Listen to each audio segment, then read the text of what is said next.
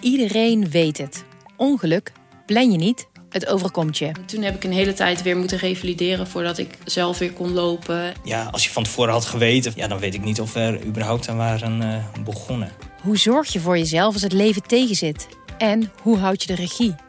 Je hoort die antwoorden in aflevering 23 van de podcastserie Zorg voor Leefkracht.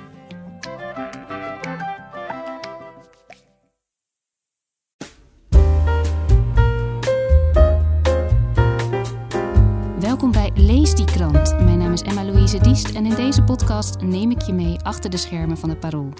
In iedere aflevering ga ik in gesprek met de maker van de krant, want voordat we het Parool openslaan heeft de krant al een hele reis gemaakt en daar wil ik alles over weten. Ja, als we erachter willen komen wat er speelt in Amsterdam en wat de gemoederen bezighoudt in de stad en in het stadhuis, dan moeten we in gesprek gaan met stadsjournalist en verslaggever van het stadhuis, Ruben Koops. En hij is bij mij te gast vandaag. Hoi. Hi, welkom. Um, ja, een uh, hele drukke periode kan ik me zo voorstellen. Het land is in crisis en dat merk je zeker ook uh, in de hoofdstad. Hoe is dat voor jou op dit moment? Ja, je hoort me net niet meer hijgen, want het was echt even rennen en vliegen om hier uh, op tijd te zijn.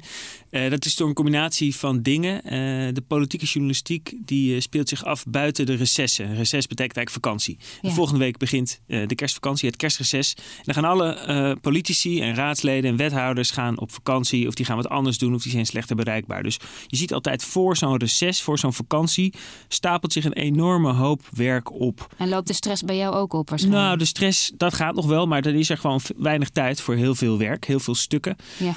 Uh, om maar wat dingen te noemen. We hebben een afscheidsinterview met uh, wethouder Sharon Dijksma, die natuurlijk uh, burgemeester wordt in Utrecht. We hebben het grote kerstinterview met burgemeester Halsema, is ook elk jaar wel ongeveer in het parool te lezen. En er is nog een of andere coalitiedeal, waardoor een aantal bezuinigingen, zoals op de bibliotheek, van tafel gaan. Er zijn nog kleine, kleine dingetjes, wat gerommel in Forum voor Democratie, wat de gemoederen blijft bezighouden. Uh, dus dat zijn allemaal best leuke dingen om te het doen. Het komt allemaal op jouw bordje. Precies, precies. Ja. ja dus dat is het leuke aan het stadhuis. Hè. Ik zeg altijd dat uh, in het stadhuis komt eigenlijk alles wat in de stad speelt komt daar op enig moment voorbij. Of het nou de horeca is, of het nou het sociale welzijn uh, van arme Amsterdammers is, of, of variërend van het opruimen van explosieven uit de oorlog in de haven. Dus je kan het zo gek niet bedenken of het komt op een gegeven moment op de vergadertafel van het stadhuis. Echt de hartslag van Amsterdam voel je daar. Nou, die hartslag die is uh, flink aanwezig op dit moment. Die gaat hard, denk ik, op dit moment door de coronacrisis. Er zullen van allerlei maatregelen worden aangescherpt. En ja, dat, die dreiging voel je helemaal in de stad, denk ik. Je zegt alles komt daar voorbij. Um, hoe kan je dan voor jezelf een soort beeld krijgen van nou dat wil ik wel uh, naar voren halen en bij sommige dingen dat je denkt nou ja misschien wellicht de kades die nu worden uh, verstevigd dat laat ik even voor wat het is dat weten we nu wel. We gaan nu even kijken wat er gebeurt uh, bijvoorbeeld met de nieuwe maatregelen bij de horeca. Hoe kijk jij voor jezelf wat belangrijk is op dat moment? Nou, in de journalistiek geldt eigenlijk altijd een regel hoeveel impact heeft het nieuws of heeft de gebeurtenis op mensen, op, op, op lezers, op Amsterdammers. Dus naarmate die impact groter is, heb je daar meer aandacht en tijd en dus ook ruimte in de krant voor dan iets wat misschien wel verandert, maar waar heel weinig impact op is. Zoals, daarom zijn nu die coronamaatregelen ook zo groot nieuws, omdat iedereen gaat dat merken. Ik ben vandaag nog supersnel even naar de kapper geweest, omdat er morgen natuurlijk uh, vanaf deze week uh, kappers niet meer welkom ja, zijn. Voor mensen die het later luisteren, we zitten vlak voor een persconferentie. En uh, ik denk dat iedereen wel weet hoe je je dan voelt. Precies, ja. dus, je, dus, dus, iedereen heeft daarmee te maken. Of je nou nog wat stoomgoed bij de stomerij hebt liggen, of je moet snel nog een boek uh, wegbrengen, of even iets ruilen in de winkel. Uh, dat is allemaal zaak om nu snel te regelen. dus iedereen heeft daar last van, dus daar heb je dan heel veel aandacht voor. En dingen die wat minder aandacht hebben, zoals inderdaad de kaders en de bruggen, hè, waar jij over vertelt. Dus in principe groot nieuws in Amsterdam. Want steeds zijn er toch stukjes langs de grachten die niet zo stevig uh, blijken als dat ze zouden moeten zijn. Ja, dat, dat nieuws verdwijnt een beetje naar de achtergrond. Dat je weet, ja, dat is er in januari of februari ook nog wel. Ja, het probleem natuurlijk daarbij wel is, is dat jij moet het nieuws voor zijn. Je zegt de impact is heel erg belangrijk. Maar soms uh, kan je dat pas later merken. Dan gebeurt er iets en dan is de impact blijkt dan heel erg groot te zijn. En dan had jij er eigenlijk bij moeten zijn. Heb jij bepaalde lijntjes? Heb je bepaalde mensen die jou inlichten? Uh, die jou erbij halen? Nou, dat is wel een goed voorbeeld. Hè? Dus ik ik, ik schrijf niet alleen dan stukken voor de krant, maar ik ben ook heel veel bezig met bellen. Bellen met al die mensen die iets te maken hebben met de politiek in Amsterdam. Wethouders, raadsleden, de burgemeester, belangenbehartigers, lobbyisten. En hoe moet ik dat dan zien dat je eventjes op zondagmiddag, hey. Ja, nou ja, dat. Het liefst zo weinig mogelijk op zondagmiddag, want ik vind een weekend ook wel lekker. Maar eh, zo door de week heen ben je gewoon veel aan het bellen met mensen of aan het whatsappen van hey, hoe gaat het? Wat heb jij op je bordje? Zijn er nog dingen die ik moet weten deze week? Uh, wat, wat speelt er in jouw portefeuille? Uh, wat, wat komt er aan? Dat is eigenlijk de kernvraag. Ik wil graag altijd weten wat er aan zit te komen. Dan kan ik er rekening mee houden van hey, hier en hier gebeurt wat. Daar moet ik. Uh... En dat gaat niet altijd goed. Een goed voorbeeld daarvan is bijvoorbeeld de bezuinigingen in Amsterdam. Hè. Die in september is een groot pakket bezuinigingen aangekondigd. Omdat Amsterdam natuurlijk erg last heeft van die coronapandemie. Alle toeristen zijn thuisgebleven. Daardoor loopt Amsterdam echt honderden miljoenen euro's mis. Dus dat moest op een andere manier gevonden worden. Nou, het is een hele lijst bezuinigingen gemaakt. En daar hebben wij veel stukken over geschreven. Maar er zat één kleine gniepige bezuiniging bij van 3 miljoen euro op de bibliotheken. Nou, wij dachten, ja, dat is eentje in een lijst van, uh, van allerlei maatregelen. Een gniepige van 3 miljoen euro. Een gniepige van 3 miljoen over een paar jaar pas, maar toch, hij stond erin. En daar heeft de bibliotheek toen van gezegd: ja, maar wacht even, dit is uh, heel gevaarlijk. En dat is dus eigenlijk pas in de loop van de weken werd dat duidelijk. Wij hebben daar in eerste instantie niet zoveel aandacht aan gegeven. Hij stond er wel tussen. We hebben hem ook wel genoemd, maar no nooit heel erg in verdiept. En pas later, naarmate ik met meer mensen ging praten, en die zeiden allemaal: ja, die bibliotheken, dat is wel een ding. Ja, nee, ik krijg wel veel belletjes over die bibliotheken. Uh, daar ontstond een bepaalde beweging. En dan zie je, nou ja, dan, we wisten het eerder wel, we hebben het wel opgeschreven, maar niet ingeschat dat het zo'n groot probleem zou worden. En vandaag heb ik dan het verhaal in de krant dat die bezuiniging op de bibliotheken geschrapt gaat worden. Dus die 3 miljoen euro hebben ze toch ergens anders gevonden. Nou, dan is die cyclus rond. Ik heb dat nieuws gelukkig dan wel weer als Opgevangen eerste. eigenlijk. Ja, dus ik, ik hoorde al van ah, de politici zijn ook geschrokken. Die zijn nu aan het onderhandelen of ze toch niet dat op een andere manier bij elkaar kunnen vinden. Dus dan, dan is de cyclus rond.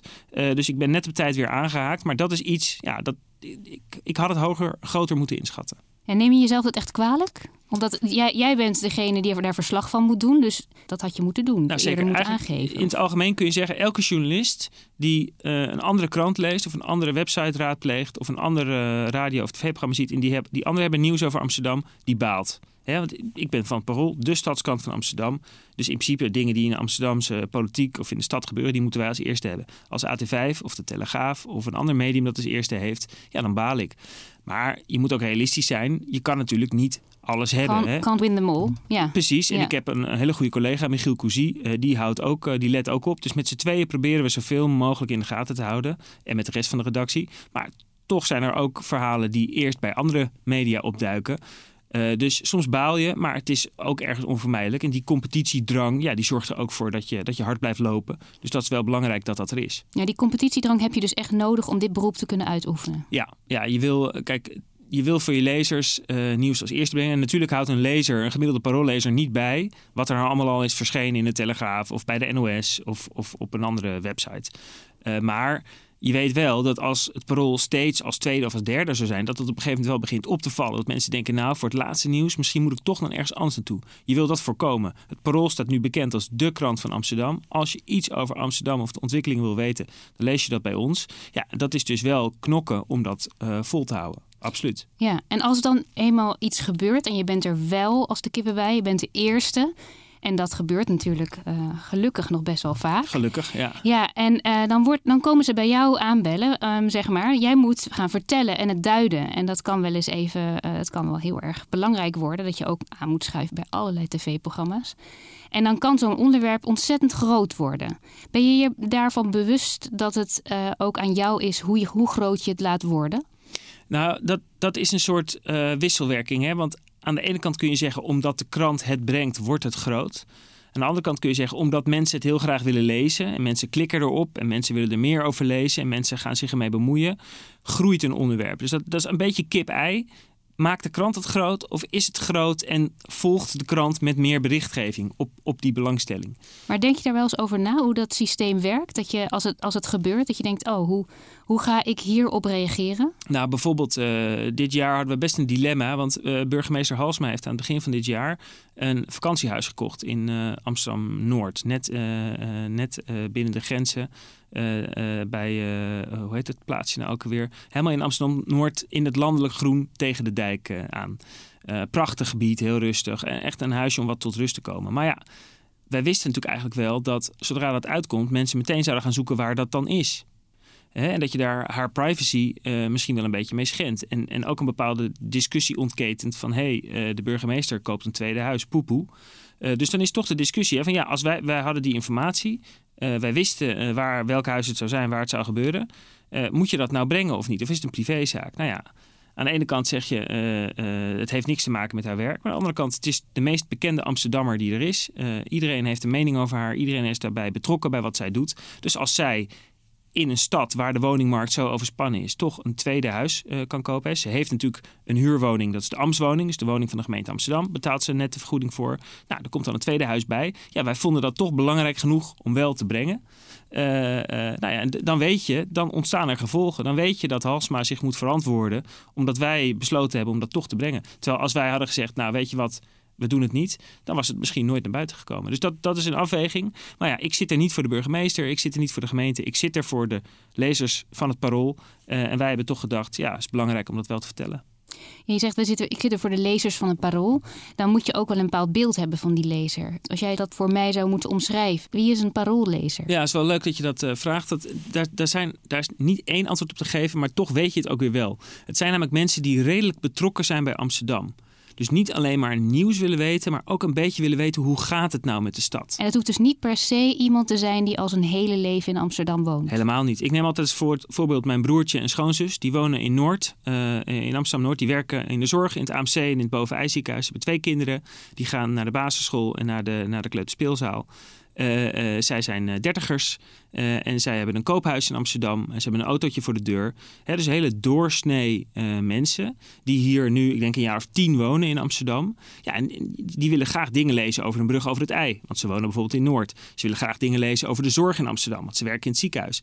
En ze willen graag dingen lezen die met kinderen te maken hebben. En met, met, met basisscholen. Want ze hebben een kind op de basisschool. Dus je, je weet gewoon, ja, die mensen die, die zijn daarmee bezig. En die zijn bijvoorbeeld ook bezorgd over de prijsontwikkeling van woningen in Amsterdam.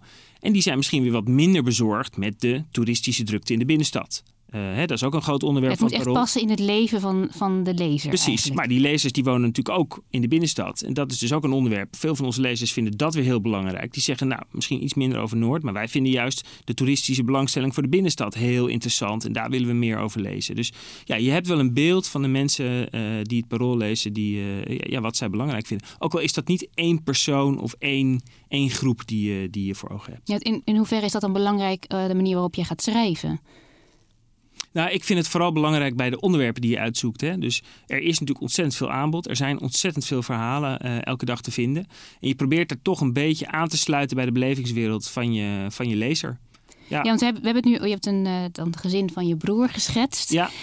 Um, dat klinkt allemaal, die hebben het goed, laat ik het zo zeggen. Ja. Er zijn een hele hoop mensen die het minder goed hebben en Ja. veel minder goed ook. Ja. En die zullen misschien uh, niet zitten wachten op allerlei um, ja, uh, verhalen over kleuterspeelzalen bijvoorbeeld. Ja. Die willen eigenlijk misschien meer weten hoe ze een hoofd boven water kunnen houden bijvoorbeeld. Ja.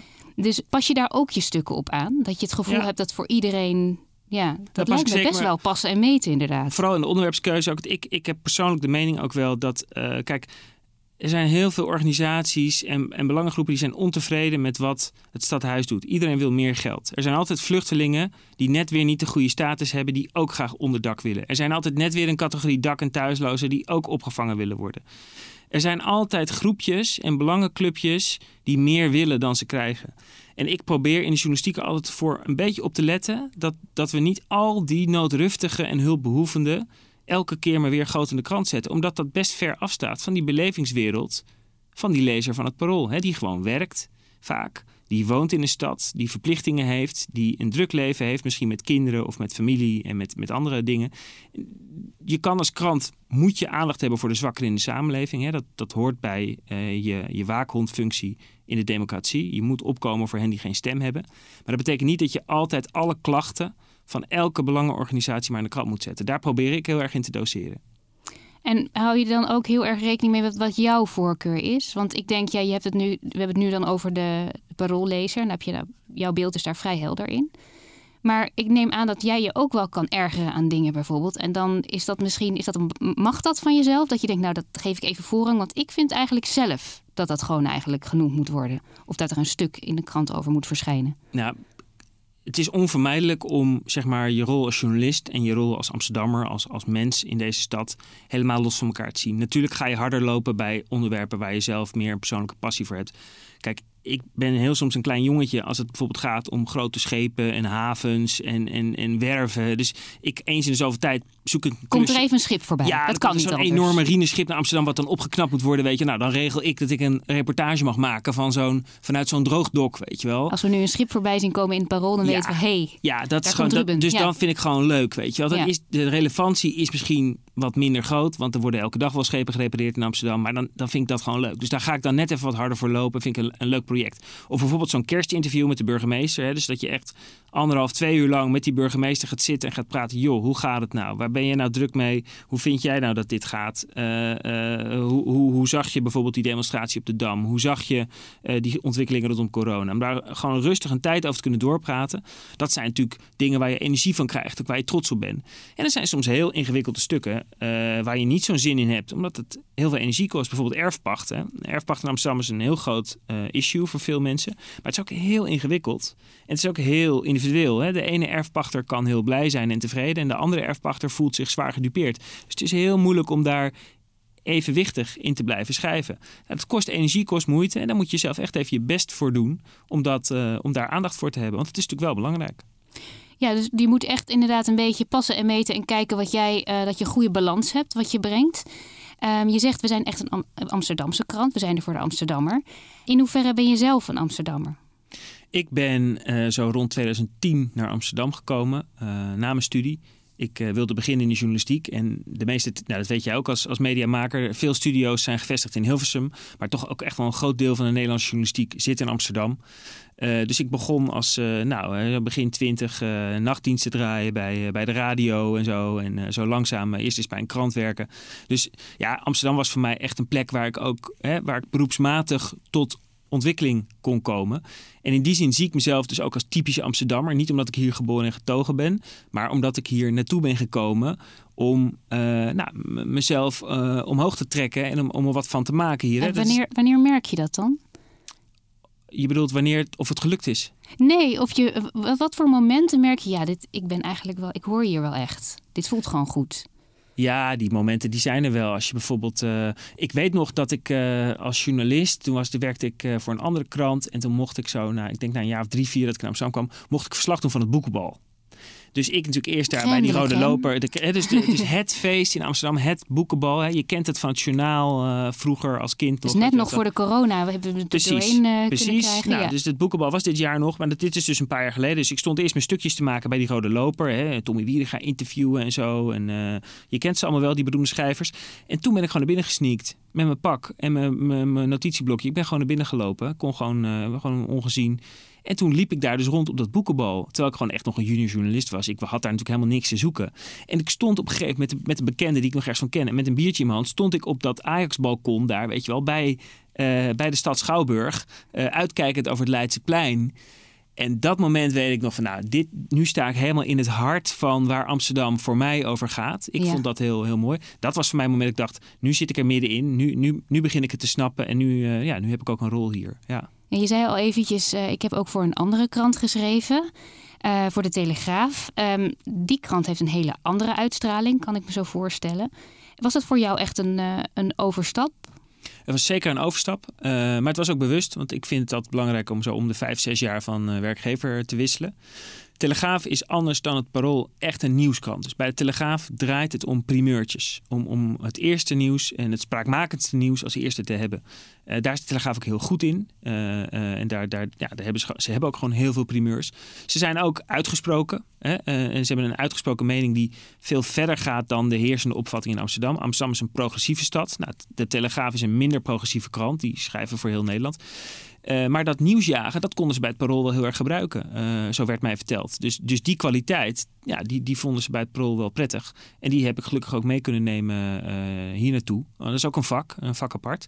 Maar daar was wel ruimte voor. Zeker, ja. Nee, Want die dat- heb je wel nodig, denk ik. Zeker, zeker. Maar goed, uiteindelijk... Ik denk dat je schrijft altijd voor je publiek. Dus voor een telegraaflezer zoek je de onderwerpen ook een beetje uit. En voor een paroollezer natuurlijk ook. Dat heeft voor mij weinig te maken met je persoonlijke opvattingen of hoe je, hoe je in het leven staat.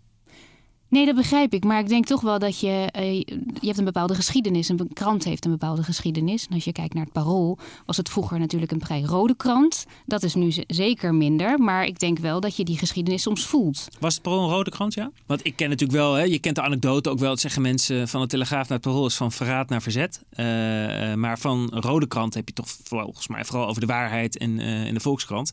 Het parool toch al bij uitstek een stadskrant was.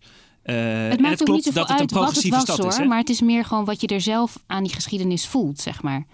Ik denk dat dat soms ook wel belangrijk kan zijn als je weet wie er hebben geschreven voor zo'n krant voor jou bijvoorbeeld. Ja, nee, maar ik heb natuurlijk gesmuld van de biografie over Job Cohen uh, door mensen als uh, Marcel Wiegman en Hugo Lochtenberg. Uh, en bijvoorbeeld Marcel zit nu naast mij toen ik nog naar de redactie ging, weet je wel. dat zijn natuurlijk, Theodor Holman spreekt nu vaak op, op borrels. Dat is een, een beroemde columnist, een oude vriend van Theo van Gogh nog, Weile Theo van Gogh. Ja, daar, daar, daar sta ik ja, nu kijk, zo ga je ook. Daar sta ik een biertje mee te drinken, weet je wel. Dus dat, dan knijp je jezelf af en toe natuurlijk wel even in de arm van... hé, hey, wat leuk dat ik, hier, uh, dat ik hierbij mag zitten. Maar ik heb vroeger ook heel leuk biertjes gedronken met John van der Heuvel uh, van de Telegraaf. Dus dat, ja, dat, dat heb je altijd in de media. Het zijn heel erg geprofileerde werkgevers uh, waar je zit. en ja, dat, dat, dat is af en toe even, even, even een omslag. Ja. En in hoeverre mag je jezelf profileren in dit beroep? Dat is een goede vraag.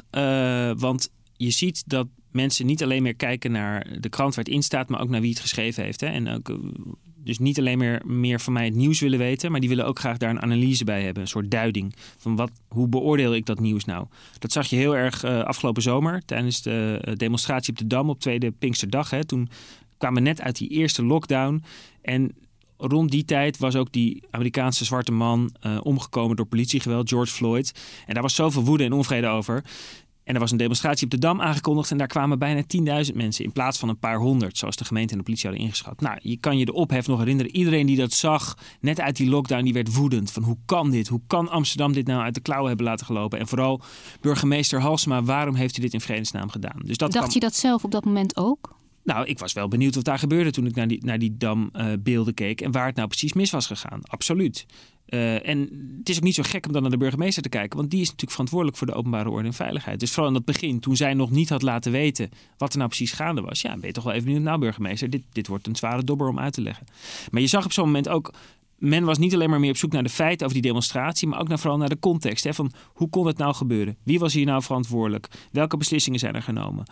Um, uh, hoe pakt Halsma het aan? Hoe heeft ze dit opgepakt met het kabinet. Hè? Toen kwamen op een gegeven moment die appjes ook boven tafel tussen haar zeggen, en minister Toen kwam de context. Wat zegt dit nou precies over de burgemeester? Wat zegt dit over de minister?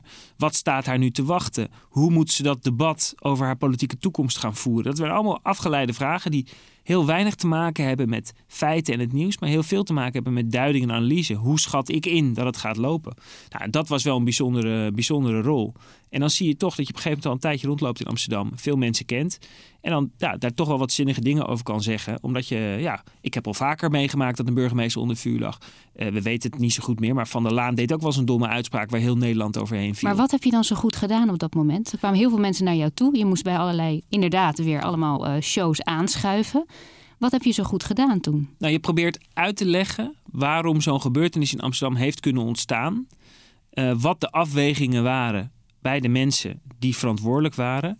En hoe je inschat dat ze het al dan niet gaan overleven. Hè? Dus welke kleerscheuren ze oplopen. En hoe neutraal breng je dat nieuws dan? Of uh, al die, die, die context eigenlijk? Nou ja, eigenlijk volgens mij precies zoals ik dat zelf nu ook doe. Uh, je belt met heel veel mensen, je informeert je en je maakt een inschatting van de situatie. Dit is mijn derde burgemeester al inmiddels in Amsterdam. Dus je weet ongeveer hoe ze reageren. Je weet wat een beetje een normale reactie is. En dat kun je dan ook uitleggen. En wat is een normale reactie? Waar kijk jij niet van op? Nou, kijk, een burgemeester moet altijd tot op zekere hoogte door het stof als er iets gebeurt. Hè. Van Aartsen moest dat rondom de krakersrellen uh, met, met asielactivisten in de Rudolf Dieselstraat. Eberhard van der Laan moest door het stof toen hij een keer had gezegd... Amsterdammers zijn te lief voor die massale groepsverkrachtingen. Elke burgemeester komt op een gegeven moment in de problemen door een onhandige uitspraak. En dan moeten ze door het stof. Uh, uh, en nou, daar heb je allerlei gradaties in. Hè? Dus zeggen ze sorry of het spijt me of excuses. Of zeggen ze dat had ik anders moeten doen. Of zeggen ze nou dit is echt verschrikkelijk. Ik wou dat ik dit uh, helemaal, helemaal anders had ingeschat. Ja, daar kun je wat over zeggen. Dat kun je duiden, weet je wel. En nu moest Halsema natuurlijk omdat daar veel meer mensen stonden en de afstandsregels niet werden gehouden. Halsman moest echt diep door het stof. Nou ja, dan zit je echt thuis zo'n debat te wachten van nou, hoe, hoe pakt ze dat aan? En dan zit je bijna te turven hoe vaak ze sorry zegt. Ja, Ja, echt verbaasd was je dus niet helemaal, helemaal om haar reactie. nee. Nee, want je, had, je zegt wel, ik heb drie eh, burgemeesters gehad. Eh, ik weet wel ongeveer hoe het werkt. Maar zijn er momenten geweest dat je wel heel verbaasd was? En dat je eventjes van je stuk gebracht was bijvoorbeeld? Ehm, dat is een goede vraag. Kijk, dat is ook een gevaar. Hè? Dus als je ergens een bepaalde portefeuille heel lang hebt en je wordt op een gegeven moment niet meer verrast, eh, dan is het ook moeilijk om je nog eh, te verplaatsen in die lezer die eigenlijk alles voor het eerst leest. Hè? Dus je moet bij jezelf heel erg te raden gaan van. Word ik nu nog verbaasd en verrast door dingen? Je zou ergens kunnen zeggen dat die bezuiniging op de bibliotheek, waar we dit gesprek mee begonnen, eh, dat ik daar meer verrast door had moeten zijn. Hè? Hoe kan dit college nou bezuinigen op de BIEB, dit progressieve college? Dat ik niet meer verbaasd was, omdat ik elk najaar weet dat ze bezuinigen. En elk najaar vallen daar klappen en zijn er slachtoffers. Dus elk najaar zijn er organisaties die niet maar als blij jij zijn met bezuinigingen. wanneer je verrast zou worden, was je niet meer verrast. Dus dat is misschien ook Nou, ja, ik was dus nu niet verrast door dat nieuws. Terwijl ik dat wel misschien had moeten zijn. Ik had misschien nog die originele verbazing moeten hebben van... goh, op de bibliotheek bezuinigen, een, een progressief college, dat kan toch eigenlijk niet? Ja, dus daarin zie je misschien dat ervaring aan de ene kant goed is... maar je moet ook altijd op blijven, dat, op blijven letten dat, dat je scherp blijft op dit soort dingen. En een beetje die, ja, die nieuwe blik op dingen houdt. Dat is soms best een uitdaging. Hoe doe je dat voor jezelf dan? Eh, nou ja, door goed te luisteren als mensen wat bij jou onder de aandacht proberen te brengen. En dus niet meteen al alle mailtjes en alle belletjes die je krijgt terzijde schuiven. Zo van, eh, nou, dat, ik, ja, logisch dat de biep protesteert. Hè? Dus dat je, dat je goed blijft Maar opletten. je krijgt nogal wat mailtjes en belletjes, denk ik. Zeker, ja. Dus hoe zorg je ervoor inderdaad dat je voor die belletjes die, ja, die voor jou misschien niet voor de hand liggen, misschien van mensen waarvan je denkt, nou dat is nu even niet hoofdzaak, Ja, dat je daar ook open voor staat. ja nou ja, dat, om, om dat wel dus goed te blijven wegen. Eh, eh, en je probeert gewoon ja, je probeert te zien wat zijn nou de individuele gevolgen voor deze mensen. Hè, dus wat, hoe, hoe, in hoeverre raakt hen dit nu? Eh, en in hoeverre past dat bij de beloften die eerder gedaan zijn? Ik vind dat nog altijd opvallend in de discussie over preventief fouilleren in Amsterdam. Dit is het meest progressieve college in decennia voor Amsterdamse begrippen. En toch ligt preventief fouilleren in Amsterdam in het jaar van George Floyd ligt nu op tafel. Ja, ik verbaas mij daar nog steeds over. Er ligt zelfs een afspraak in het coalitieakkoord. Er staat letterlijk, er wordt niet preventief gefouilleerd in Amsterdam. En toch ligt die maatregel nu op tafel. Nou, da- daar, daar merk je gewoon, daar ga je niet mee in de politieke realiteit. Van ja, partijen zijn anders gaan denken. Ja, er is Nee, veel echt. Het verbaast mij echt dat ik denk, hoe kan je dit nou zo zwart op wit opschrijven? Hoe kan je nou zo'n progressieve linkse coalitie zijn met een progressieve burgemeester? In het jaar van George Floyd, hè, dus waar politieoptredens onder een vergrootglas liggen, dan toch overwegen om preventief fouilleren in te voeren in Amsterdam. Nou, dat verbaast mij nog steeds, zelfs als ik het er nu over heb. Maar dan heb je die verbazing en daar houdt het niet mee op, denk ik. Wat is dan de volgende stap? De volgende stap is daar eh, heel veel mensen over bellen, opnieuw. Eh, dus je goed laten informeren over waar dat dan vandaan komt. Eh, en daar stukken over schrijven. En, en kijk, ik heb natuurlijk niet alleen maar het nieuwsverhaal tot mijn beschikking. Hè? Dus een objectief nieuwsverhaal waar je de, de vijf W's, wie, wat, waar, waarom, wanneer, plus hoe. Dat zijn eigenlijk de vragen die je altijd stelt eh, aan het begin van het schrijven Hoe begint niet met een W, hè? Dat ik het. Nee, precies. Dus de vijf. W's plus hoe. Plus hoe, oké. Eh, eh, en en die, die probeer je op papier te zetten. Dus dat is een nieuwsverhaal. Maar ik heb ook de analyse tot mijn beschikking. Als een, als een middel om te schrijven over maatregelen. Ik heb de column tot mijn beschikking. Dat is eigenlijk meer je persoonlijke opvatting. Of je persoonlijke affiniteit met, met, met issues. Dus soms gebruik je een nieuwsverhaal om over zo'n onderwerp te schrijven. Maar als je wat meer je verbazing of je, ja, je teleurstelling... of je, eh, nou ja, dat soort emoties wil gebruiken... dan gebruik je misschien een column bijvoorbeeld. Ja, je zegt teleurstelling, dat is ook wel een, eh, een interessante emotie. Ehm, heb, gebeurt dat ook wel eens? Dat je echt, want dat kan ook nog wel eens eh, zich uit een beetje een soort passiviteit. Dat je denkt, god ja, teleurstelling, ja, ik kan er niets meer mee. Wat is dit? Wat gebeurt me nou? Nou, soms, soms moet je dingen inderdaad ook laten gaan. Dat je, niet, eh, ja, dat, je niet, eh, dat je daar gewoon niet zoveel meer mee kan. Omdat het eh, op het moment al voorbij is bijvoorbeeld. Of, eh, ja, dus dat, dat kan. Of dat je niet genoeg tijd hebt. Dat het, eh, ja, dat het toch ondersneeuwt. Ik zit zo even hard op nu na te denken waar ik dat misschien eh, mee gehad zou kunnen hebben. Eh, dat ik echt teleurgesteld was over een onderwerp. Maar soms, eh, soms gebeurt dat, ja. Dat, eh, dan, dan moet je het gewoon laten gaan. Omdat er gewoon niet genoeg tijd is, of niet genoeg belangstelling. Of het is te niche om, er, om ermee verder Ja. te gaan. Maar je zegt al, ik kreeg wel de ruimte om dat om, ja, om te ontwikkelen bij het parool. Wat was daarin belangrijk? Want ik denk als je bepaalde doelen voor jezelf stelt, dan moet ook die werkomgeving zo zijn dat je dat allemaal kunt verwezenlijken. Of in ieder geval een deel daarvan. Het Parool is een krant waar je heel veel vrijheid krijgt.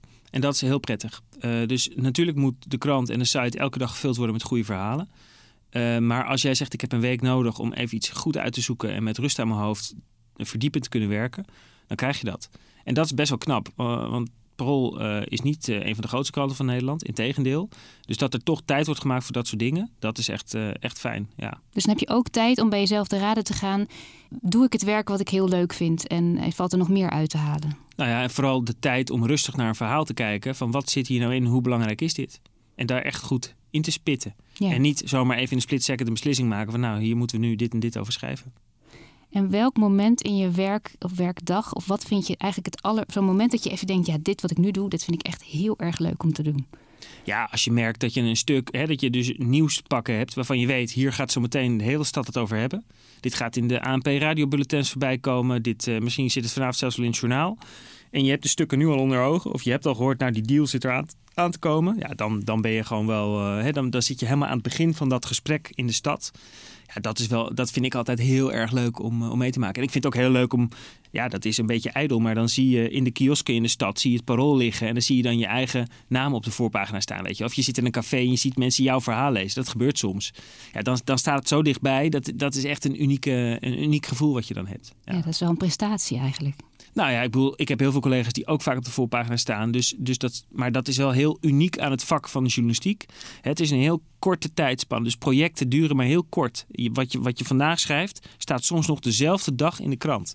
Uh, dat, dat, is, dat is heel bijzonder om mee te maken natuurlijk. Veel beroepen zijn... Nou, toch wel vaak, denk ik. Of niet? Ja, zeker. Ja. zeker ja. ja. Dus, dus ik, en soms is het moeilijk om op vrijdag te realiseren... oh ja, waar heb ik maandag en dinsdag ook weer geschreven? Want er is zoveel gebeurd, er zijn zoveel verhalen Het geweest. gaat ook wel snel natuurlijk. Soms heb je hè? 20, 30 verhalen per week in de krant of in de, op de website. Ja, En op dit dan- moment speelt er ontzettend veel. Precies, Eh, ja. precies. Dus ik, ik, ik, ja, ik kan ook heel vaak niet inschatten wat ik vrijdag ga doen of donderdag. Want ja, geen idee wat er dan weer eh, tot je komt. Zeg maar. Ja, voel je je ook wel eens voor- heel erg verantwoordelijk? Omdat jij degene bent die natuurlijk nieuws naar buiten brengt. En zeker in zo'n periode als er heel veel hele belangrijke dingen spelen in de maatschappij.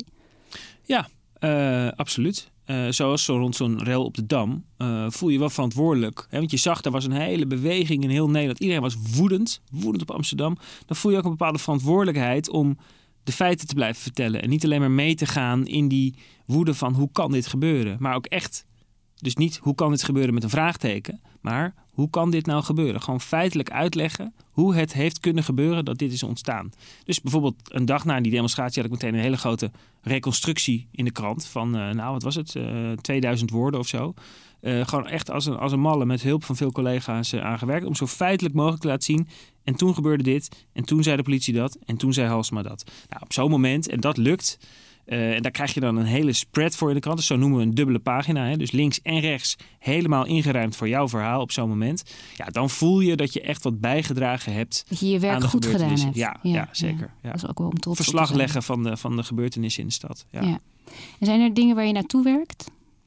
Nou, zo'n groot kerstinterview met Halsema. Hè. Dus eh, deze podcast komt wat later uit. Maar eh, dat interview, dat is ook iets van 2000, eh 2500 woorden. Eh, je weet dat mensen het interessant vinden. Hè, want de burgemeester is bij uitstek het meest zichtbare deel van het, van het lokale bestuur. Mensen kennen hun wethouders niet meer of raadsleden. Maar de burgemeester Halsema, die kent bijna iedereen. Dus je weet dat mensen er zin in hebben om dat te lezen. Eh, om, om, om te weten wat zij van dingen vindt. Of om zich misschien te ergeren of te verheugen op wat ze zegt. Eh, dus ja, daar, daar, daar, dat is altijd leuk om te maken, zo'n eh, zo'n interview. Ja, zij zijn ook heel zichtbaar, maar jij dan dus daarmee ook eigenlijk. Dat valt mee. Dat valt mee. Want uiteindelijk, mijn naam staat er wel boven samen met Michiel Cousy, mijn collega. Maar uiteindelijk willen mensen zijn gewoon geïnteresseerd in de burgemeester. Dus je moet ook niet vergeten dat ik ben in die zin, ik stel kritische vragen en ik schrijf het eh, kritisch op. Eh, maar het gaat niet om mij, zo'n stuk. Vind je dat soms jammer? Helemaal niet. Nee, het, het hoort erbij dat je eh, als journalist in de schaduw van hele grote gebeurtenissen staat. Als je zelf als journalist een hele grote gebeurtenis wordt, dan moet je altijd even oppassen. Ja? Moet je daar ook echt soms voor oppassen? Nou, ik heb deze zomer wel een incident gehad. Toen werd er een eh, jongen neergeschoten bij mij in de binnentuin. Ik was thuis aan het werk. Dat is een jonge Duitse Instagram-ster. Eh, die was helemaal verward. Die had een mes. En uiteindelijk heeft de politie hem moeten neerschieten.